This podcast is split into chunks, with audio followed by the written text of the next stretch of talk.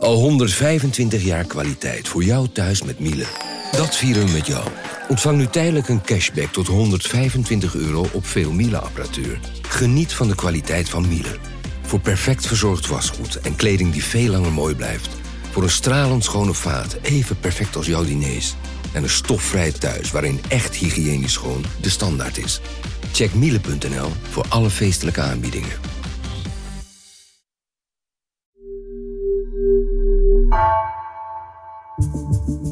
Vanaf de redactie van NRC het verhaal van vandaag. Mijn naam is Egbert Kalsen.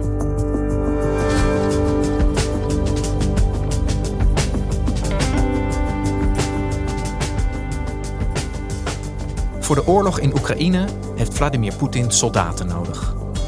Een van de regio's die als hofleverancier dient voor die strijd is Burjatië in het zuidoosten van Siberië. Correspondent Eva Kukier bezocht die regio en zocht uit waarom de Burjaten meevechten in Poetins oorlog. Is het uit vrije wil of spelen er andere redenen?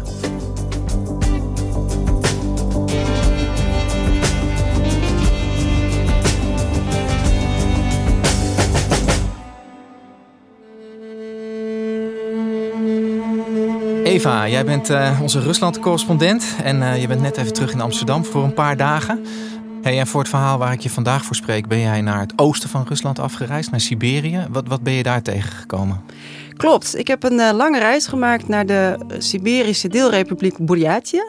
Dat ligt in het zuidoosten van Siberië. En is bijzonder omdat het op de tweede plaats staat van de ranglijst van Russische regio's, voor zover bekend, die de meeste soldaten sturen naar Oekraïne, waar de meeste gesneuvelde soldaten vandaan komen. Ik vloog naar Ulan-Ude, dat is de hoofdstad van Burjatië.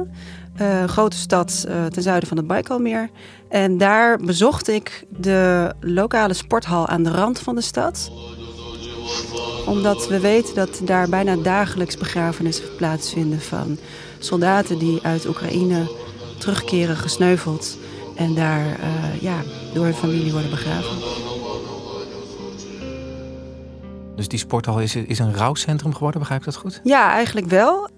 Bijna iedere dag komen daar rouwende familieleden bijeen om afscheid te nemen van gesneuvelde soldaten. Die soms met een vertraging van een maand of twee maanden uiteindelijk terugkeren naar hun regio ver weg en daar uh, begraven worden. En, en, weten we bij benadering om hoeveel soldaten dat gaat? Daar in, in maar misschien in zijn algemeenheid? Dat weten we niet. In Rusland zijn deze cijfers staatsgeheim gemaakt. Je mag daar niet over publiceren. En ondanks de censuur uh, en het verbod op het publiceren van deze informatie, zijn er media die uh, proberen in ieder geval lijsten bij te houden en doden te identificeren. Uh, op basis van die media, waarvan er ook in Burjatië één bestaat, een website, die heet Ludi Baikala, de mensen van Baikalmeer, gaan ze uit van ongeveer nu 200 geïdentificeerde doden. Uh, dat zijn er natuurlijk ook vele malen meer. En Burjatië staat daarmee uh, bovenaan de ranglijst van uh, regio's, Russische regio's, die uh, ja, een soort hofleverancier zijn, kun je wel stellen, van, eh, van de oorlog in Oekraïne. En over de regio Burjatië is een soort stereotype ontstaan al in het begin van de oorlog in 2014. Toen het conflict uitbrak in Oost-Oekraïne. Dat zij een soort trouwe soldaten zijn van Poetin, loyale Kremlin-aanhangers. Als een volk vol trouwe, maar ook heel woeste krijgers. die uh, Poetin assisteren bij die militaire campagne in Oekraïne. Die daar um, ja, met een soort enthousiasme naartoe zouden reizen. En die daar uh, nou ja, de orders uitvoeren van het Kremlin. En dat is een stereotype waar in Burjatië steeds meer verzet tegen klinkt.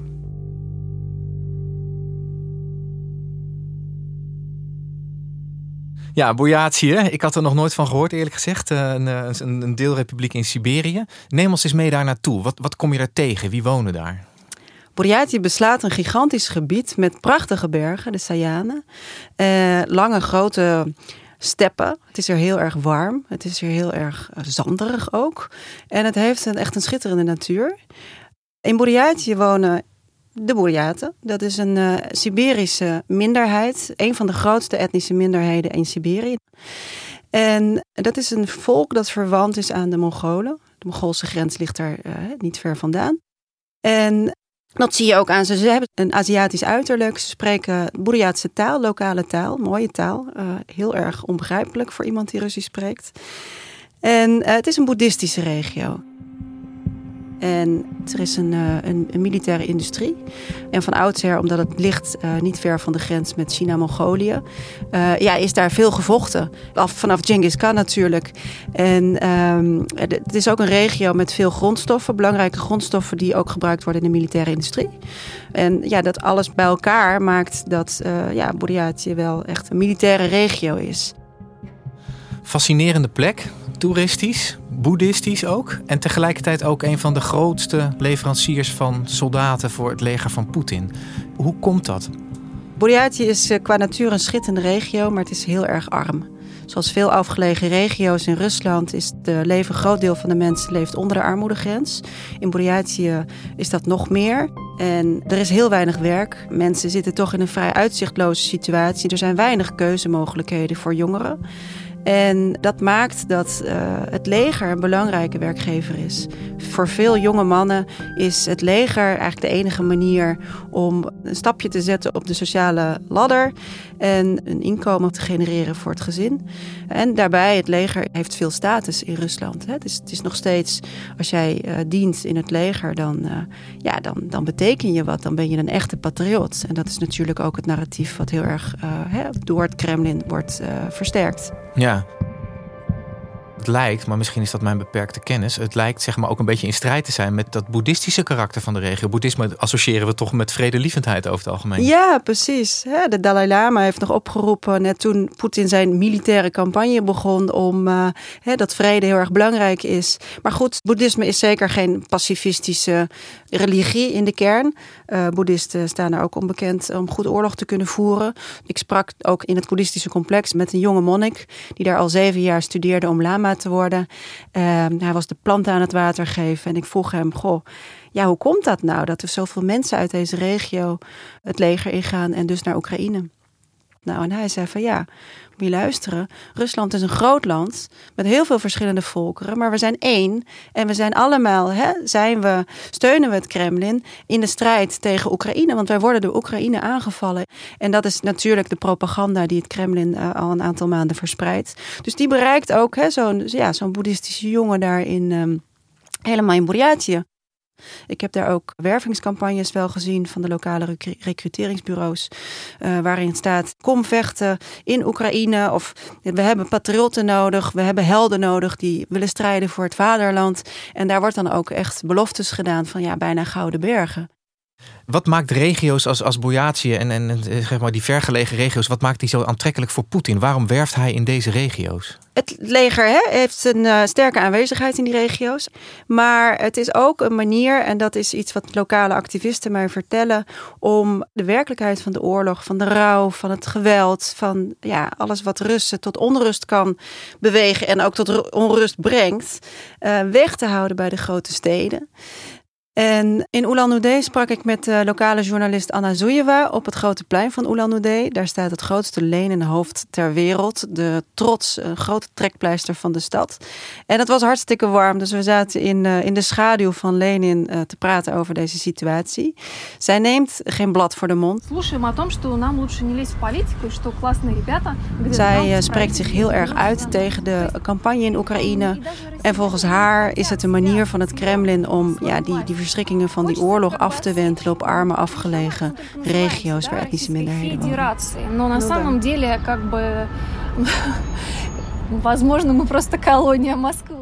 Regio's die ver weg zijn, arm zijn, in ieder geval stukken minder mondig dan de grote groepen moderne, liberale, soms um, bereisde Russen in de steden. En op die manier toch die, die verschrikkingen van de oorlog ook af te wentelen op een etnische minderheid. En ja, het Slavische, de Slavische officiers, de, de leidinggevenden uit het leger, in zekere zin te vrij waren toch van die, die bloedige campagne die, die daar wordt gevoerd. Ja, want, want hoe kijken mensen in, in Moskou en Sint-Petersburg naar die regio's, naar die etnische minderheden? Zien ze dat als onderdeel van, van hun eigen volk? Of, of hoe, hoe zit dat? Rusland is natuurlijk een heel groot land met ontzettend veel religies en volkeren en afgelegen groepen waar ook mensen uit Moskou en Petersburg eigenlijk heel weinig van af weten. En dat leidt tot uh, xenofobie en stigmatisering. Uh, niet alleen in Rusland zelf, maar ook in Oekraïne en in het Westen. En tot een soort beeld wat wordt geschapen van in de media van Buryaten als hè, uh, Aziatische wilde mannen die Oekraïne zijn binnengestormd en daar verschrikkelijke dingen doen. Hè. Dat staat boven water, daar gebeuren verschrikkelijke dingen. Maar dat het expliciet Buryaten zijn, daar kun je natuurlijk heel veel vraagtekens bij stellen. En journalist Anna die zei ook tegen mij: er zijn maar 300.000 ongeveer Buryaten, etnische Buryaten. Dat betekent dat het grootste deel van de soldaten die vanaf deze regio naar Oekraïne gaat, dat dat etnische Russen zijn. En uh, dat de Buryaten die weliswaar hè, fysiek heel herkenbaar zijn door hun Aziatische uiterlijk, eigenlijk in de minderheid zijn. Ze spreken niet altijd heel erg goed Russisch en uh, worden dan uh, gefilmd als ze gevangen zijn genomen, moeten berouw tonen of worden vernederd. Бурят? А, боевой бурят? Нет. А какой? А? En um, ja, dat, dat circuleert in de Oekraïense sociale media, maar ook in het Westen. En ook zeker in Rusland. En op die manier ja, ontstaat dat stereotype. En, en dat is iets waar uh, lokale mensen zich uh, steeds meer tegen verzetten. Eva, je maakt duidelijk dat dat stereotype beeld van die Bourjaten, dat daar wel wat op af te dingen valt. Geldt dat dan ook voor die gepercipieerde loyaliteit van die regio aan die oorlog? Hoe moeten we daar naar kijken? Ja, dat is heel erg moeilijk uh, om daar harde uitspraken over te doen. Hè. In heel Rusland um, heerst censuur. Uh, heel veel onafhankelijke media zijn natuurlijk gesloten. Heel veel journalisten zijn gevlucht. Dus ja, dat creëert een soort vacuüm waarin we heel weinig nog kunnen zeggen over de publieke opinie, over wat Russen nou eigenlijk denken, werkelijk denken over uh, de politiek in hun land, maar zeker ook de situatie in Oekraïne. Mensen durven zich niet uit te spreken, er staan harde straffen op. En dat leidt tot een situatie waarin de mensen die Poetin wel steunen, want daar zijn natuurlijk ook heel veel van, die hoor je heel hard. Dus daar ontstaat een vertekend beeld natuurlijk van hoe de werkelijke situatie in Rusland is en hoe groot die steun voor het Kremlin voor de oorlog in Oekraïne nu werkelijk is. Anna Zoejewa zei tegen mij: Denk je nou echt dat al deze mensen die operatie steunen? En hè, ze, keken om zich heen. Dat weet je eigenlijk niet. Je kunt niet in hun hoofden kijken. Maar zij uh, is ervan overtuigd dat heel veel mensen uh, dit niet steunen, maar zich daar niet voor durven uit te spreken. En wij praten daar midden op dat plein over haar ja, drijfveer om echt te vertellen wat er in uh, haar regio gebeurt. Zij is daar niet alleen in. Uh, er zijn een aantal Boreaatse mensen in ballingschap. Die zitten allemaal niet meer in Rusland zelf, maar in het buitenland.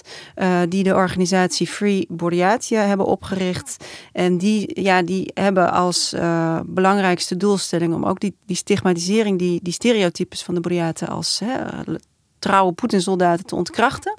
Ja, en te proberen dat sterke beeld wat van die regio bestaat te doorbreken. Ja, en vanuit het buitenland uh, ja, kan je dat gewoon hardop zeggen. Uh, in Rusland is het dus veel ingewikkelder wat jij al schetste. Hoe, hoe uit dat anti-oorlogssentiment zich dan in zo'n regio in Siberië?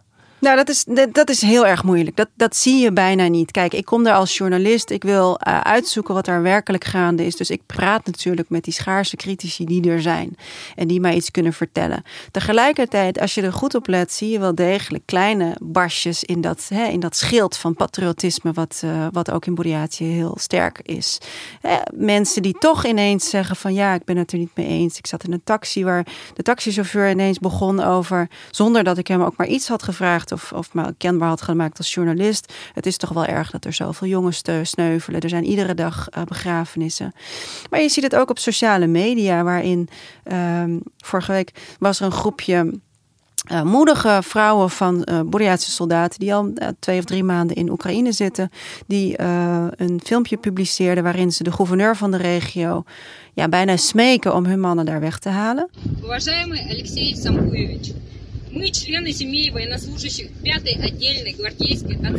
ze zeggen ze zijn gewond, ze zijn uitgeput, uh, we willen dat ze terugkomen.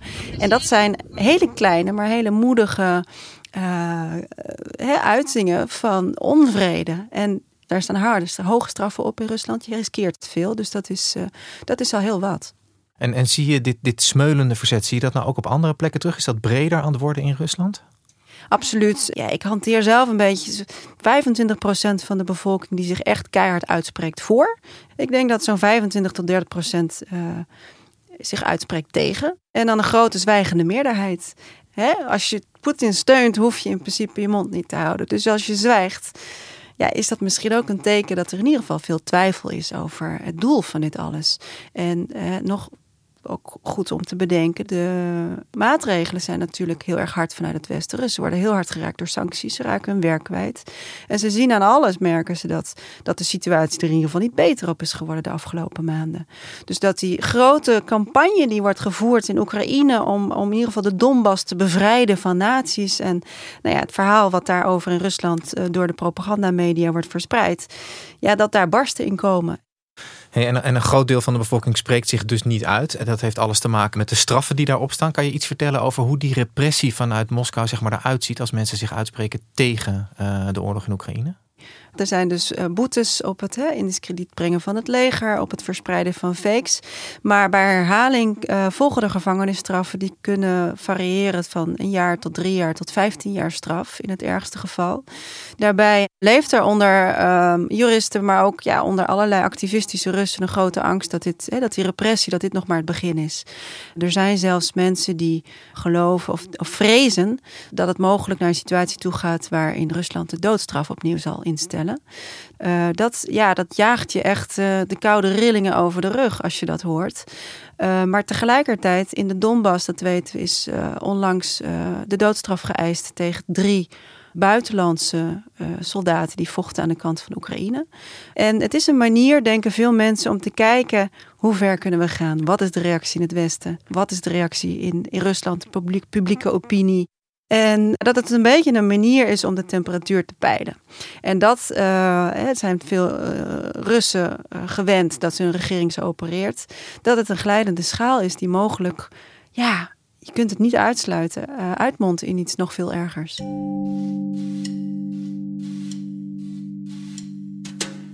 Is het nou denkbaar dat, dat zeg maar, Poetin een keer een grens overgaat? Jij schetste al dat er onderhuids wel wat voelbaar is van verzet. En niet alleen in Siberië, maar ook op andere plekken. Kan hij zeg maar, te ver gaan en toch uh, het Russische volk tegen zich in het harnas jagen? Dat is een hele moeilijke vraag. Ik denk het niet. Ik denk dat het idee dat uh, Russen op een bepaald moment uh, dat, dat de emmer overloopt en dat ze de straat opgaan en gaan demonstreren en het Kremlin gaan bestormen, dat dat echt bijna fictie is. Dat moeten we absoluut niet van uitgaan. Russen zijn al heel erg lang gewend om hun mond te houden. Ze zijn murf geslagen. Ze leven in een totale repressie. Russen weten niet zo goed hoe ze hun onvrede moeten uiten. Ze hebben daar geen middelen toe. Ze... En ja, het is gewoon niet veilig. Het is veiliger om je mond dicht te houden. Daarbij, Poetin heeft veel steun omdat veel mensen vinden dat hij stabiliteit brengt in het land of heeft gebracht. En veel mensen zijn bang dat als dit regime er niet meer is, hoe erg het ook is of hoe arm ze ook zijn, dat regime wat hun toch vertelt dat ze in een groot Rusland leven, een groot machtig land dat de baas kan zijn in de wereld, of in ieder geval in een deel van de wereld, ja, dat, dat als dat er niet meer is, dat het land kan afgeleiden in een burgeroorlog. En dan heb je een heel groot land met al die verschillende volkeren en republieken en, minderheden.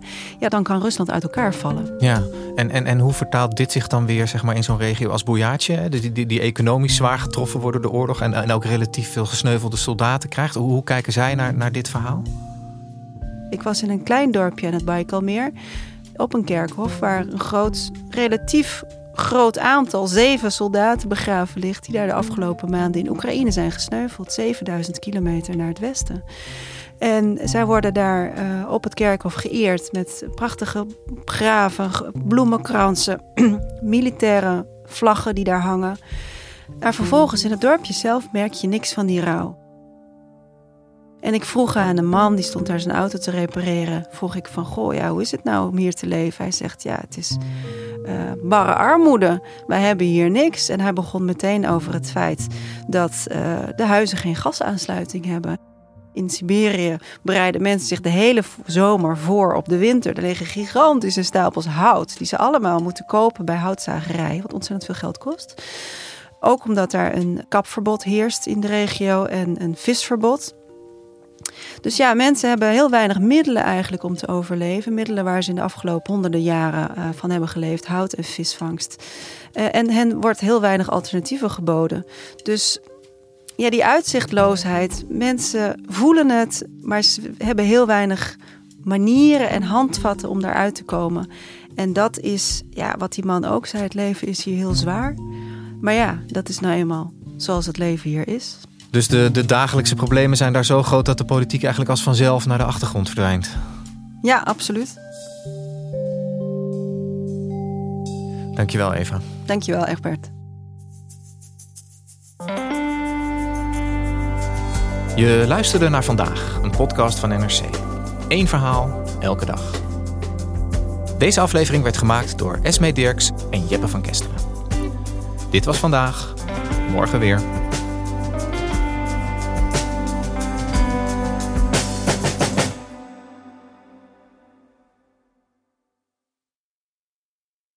Technologie lijkt tegenwoordig het antwoord op iedere uitdaging.